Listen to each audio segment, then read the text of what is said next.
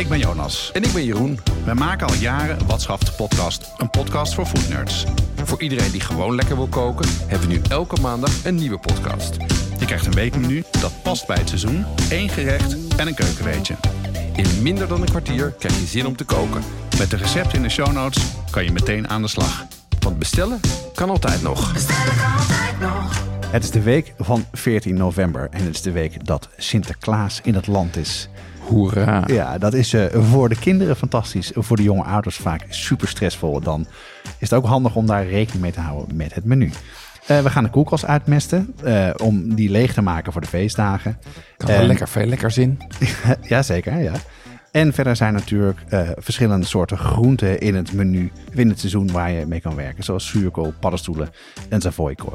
Kool.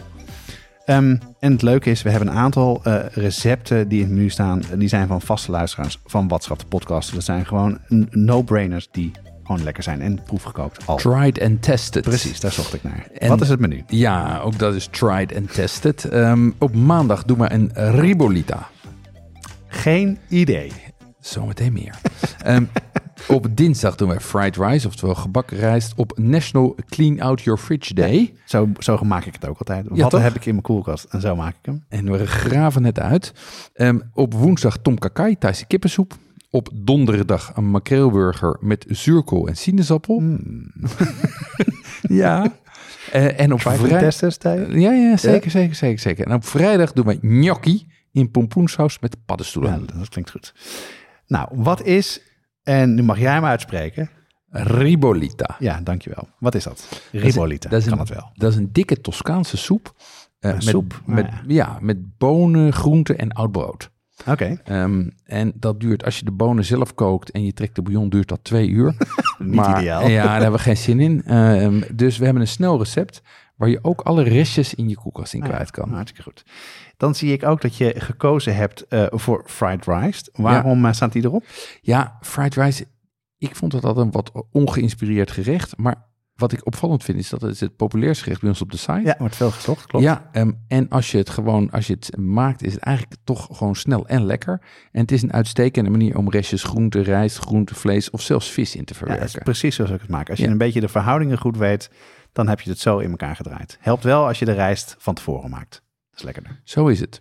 En tot zover, denk ik, heerlijk. Ja. Tried and tested. Ja, Makreelburger met zuurkool en sinaasappel.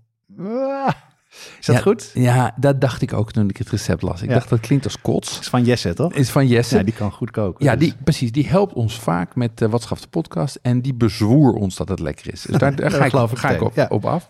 Ehm, en af en toe moet je ook gewoon dingen, eh, nieuwe dingen proberen. Eh, daarbij is makreel natuurlijk een, eh, een gezonde, verse en betaalbare vis. Absoluut. Ja. Ik, ik kook er heel veel mee, ja. Nou, ik wil wat meer weten over de ribolita. Hoe maak je dat? Kan je het uitleggen? Daar pak ik er even bij.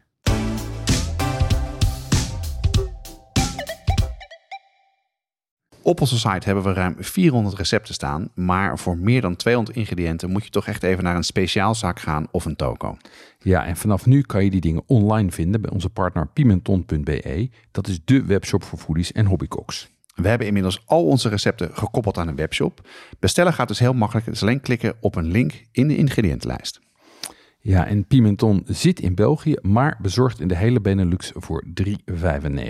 Ga naar pimenton.be om te bestellen. Jeroen, de maaltijdsoep uit Toscane, de Ja. ribolita. Hoe maak je dat? Ja, ik heb hier de snelle versie voor je. Uh, ja, gelukkig, dus- want dus- anders ga ik hem niet maken hoor. door Nee, de week. da- door de week niet. Je begint met je fruit, knoflook, selderij en wortel aan in de pan. Ja, Dan doe, er, dan doe je er een blik tomaten bij en een pot bouillon. Dus dan heb je eigenlijk een soort van begin van een tomatensoep. Ja? Ehm, dat laat je koken en dan ga je groenten toevoegen. En wat voor groente gebruik je dan? Ja, groenten van het seizoen of gewoon wat je over hebt. Eh, ehm, in het recept staat savoykool, ehm, wortel en, eh, en bleekselderij. Maar je kan ook palmkool doen of spitskool of spruitjes of boontjes Ah, ja. of zelfs aardappels. Ook als het gaar is, je kan het er gewoon allemaal in donderen. Ah ja. En dat gooit eh, dus. eh, en wat voor bouillon gebruik je dan uit een pot? Maakt het nog uit? Nou ja, je kan kippenbouillon nemen, je kan runderbouillon nemen. Maar Ja. als je het vegen wil houden, je groentebouillon. Dus het maakt niet zoveel uit. Nee. Dus, dus kip als je het licht, lichter wil houden en Ja. runder wat zwaarder. ja, officieel is het runderbouillon. Maar Nou ja, Toscane. whatever. Ja. Ja. Hey, en die groenten? Eh, je zei groenten kan je er gewoon bij gooien. Ja. Ehm, gewoon alles snijden in de pan en klaar? Of, eh, Ja, nou, eh, wa- wat ik, je moet er wel rekening mee houden met hoe lang het moet. Nou ja. Want aardappelen moeten natuurlijk langer dan boontjes. Ehm, eh, dus wat je, wat je doet, is je voegt langzaam maar zeker toe. Dat, die soep staat te pruttelen Ja. en je begint met je aardappelen en dan gooi je koolsoorten en op het laatst doe je je boontjes, basically. En proberen om op het einde alles even gaar te krijgen, toch? Ja, dat is het doel. Ehm, en tussendoor even proeven is ook altijd verstandig, Ja, zowel voor zeker. peper en zout. Maar dat, ik ga ervan uit dat de mensen dat toch wel doen. En dan, als de groenten dan eh, er aan toegevoegd zijn, is het dan klaar? Is dat, en hoe dien je het op dan? Hoe, hoe werkt het verder? Nou, je dient het op met oud brood. En oud dat- brood, ja, grappig. En dat kan je eigenlijk op twee manieren doen. Ofwel je roostert het gewoon met een beetje kaas erop in de oven. En dat leg je er bovenop. Of je legt de kaas erop ehm, op het brood. Doe dat in de kom en zet die kom in zich heel in de oven. Ah, ja. Net als met de uiensoep. Ja, precies. Met de Ja, is dat eh, is dat ding. En, en maakt het uit wa- wa- wanneer je wat doet of eh, waar je zin in hebt? Nee, net waar je zin in hebt. En het, als het heel oud brood is, dan zou ik er wel voor kiezen om het, eh, om het op de soep te leggen. Want dan, dan trekt het, terwijl het dan gratineert, zuigt het zich van onder vol met, Ja, eh, met soep. Dus met soep en al in de oven en dan gratineren. Ja, dat is En het beste. Verser brood gewoon kan er dan als laatste bovenop. Ja, want als je dat eh, zo lang in de oven laat liggen, dan valt het helemaal uit elkaar. Ja, Ja, precies. Klinkt goed hoor. Hey, in jouw menu komt dus twee keer brood voor. De makreelburger en in deze Toscaanse soep. Zullen we het er even over hebben hoe je met brood kan koken? ja laten we het doen. Eet jij nou vaak eh, brood bij het warme eten, bij het avondeten? Ja, eigenlijk doen wij dat best vaak. Ehm, eh, zowel als bijgerecht, bij bijvoorbeeld een soep of een stew of zoiets. Ja? Maar ook in veel gevallen als een drager. Dus een manier om het eten in je mond te krijgen. Dus als een wrap of een bolletje ergens omheen. Eh, en soms gebruik ik het ook in gerechten. Ja, ja. Het is wel iets wat je, wat je veel in, in andere landen ziet. Hè? Dus ook vaak in restaurants staat het op tafel Ja. en is erbij. Ja, en dat is natuurlijk gebruikelijk in die keuken, omdat het ook een manier is om koolhydraten toe te voegen. En dan kan je ook zelf kiezen hoeveel je daarvan eet. Dus Ja, dat precies. is wel heel praktisch. Als je veel honger hebt, dan doe je het er wel bij. Ik vind, ja, nu je het zegt, denk ik, denk ik, doe ik het ook eigenlijk wel veel meer dan, dan je in eerste instantie zou denken. Ehm, neem jij dan de lekkere bruine boterham of witte boterham van uit de Hollandse bakker? Gebruik je die dan vaak in je eten? Nou, het grappige is, daar heb je dus ook dat, dat je je dan een beetje voegt naar de keuken die je gebruikt. Ik gebruik de Hollandse boterham, gebruik ik bijvoorbeeld wel door een bal gehakt. Ja? Ehm, maar meestal gebruik ik eh decembrood, eh, eh, steviger en dat heeft meer smaak. Ehm, en bovendien, als je dat zelf bakt, zoals ik, maar ook als je het bij een bakker haalt, wordt dat vaak toch wat sneller oud, want het heeft minder conserveermiddelen. Ehm, dus ik bewaar altijd een voorraadje in de vriezer. Ik heb in de vriezer gewoon een, een, een zak met oud brood Nou, liggen. wat grappig. Ja. En dat gaat door dit soort gerechten heen. Ja. Ja, en dan eh, de, in, de, ehm, in de gehaktballen doe je het dus als eh, in plaats van paneermeel, toch? Of Ja, niet? ja, dat is ja. een beetje extra vulling eh, en smaak. Ja, en het absorbeert ook wat van het vet, wat die eh, gehaktballen loslaat. En ja. houden ze een mooie stevige Ah, ja, consistentie. ja.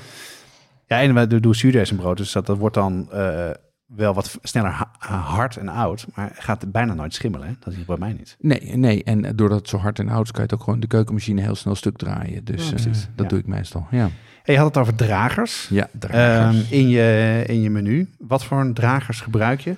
Brooddragers, mooi woord. Ja, ja brooddragers. Ja, de, eigenlijk verschillende soorten. Eh, dat kunnen bloemtortillas zijn. ehm, dat kunnen dus wraps of Ah, ja. platbrood. Ja. eh, zoals naans, lavash, eh, eh, roti, pita's. Natuurlijk. Ehm, eh, maar ik haal het meestal of ik koop bij de Turkse winkel. Ja, Ja, ja, ja.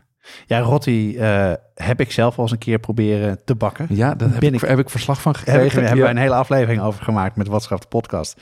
Ga dat vooral luisteren als je dat leuk vindt om te horen. Het is super ingewikkeld. Ja. En dat maakt je, geeft je ook weer veel meer respect voor degene die het wel maakt en heel erg lekker gaat krijgen. Dus voor mij vond het leuk om te leren, maar ik ga ze toch vooral gewoon lekker bij de toko halen. Dat is veel fijner. Dan kan je voor alle soorten gerechten gebruiken. Hoef je natuurlijk niet alleen maar bij rotti te gebruiken.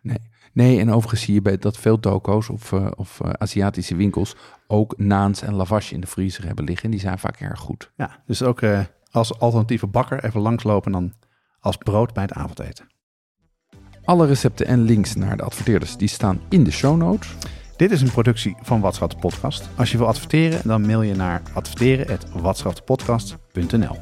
Maandag zijn wij er weer met een nieuw menu, een nieuw recept en een keukenweetje. Tot volgende week. Want ook dan geldt, bestellen Kan altijd nog.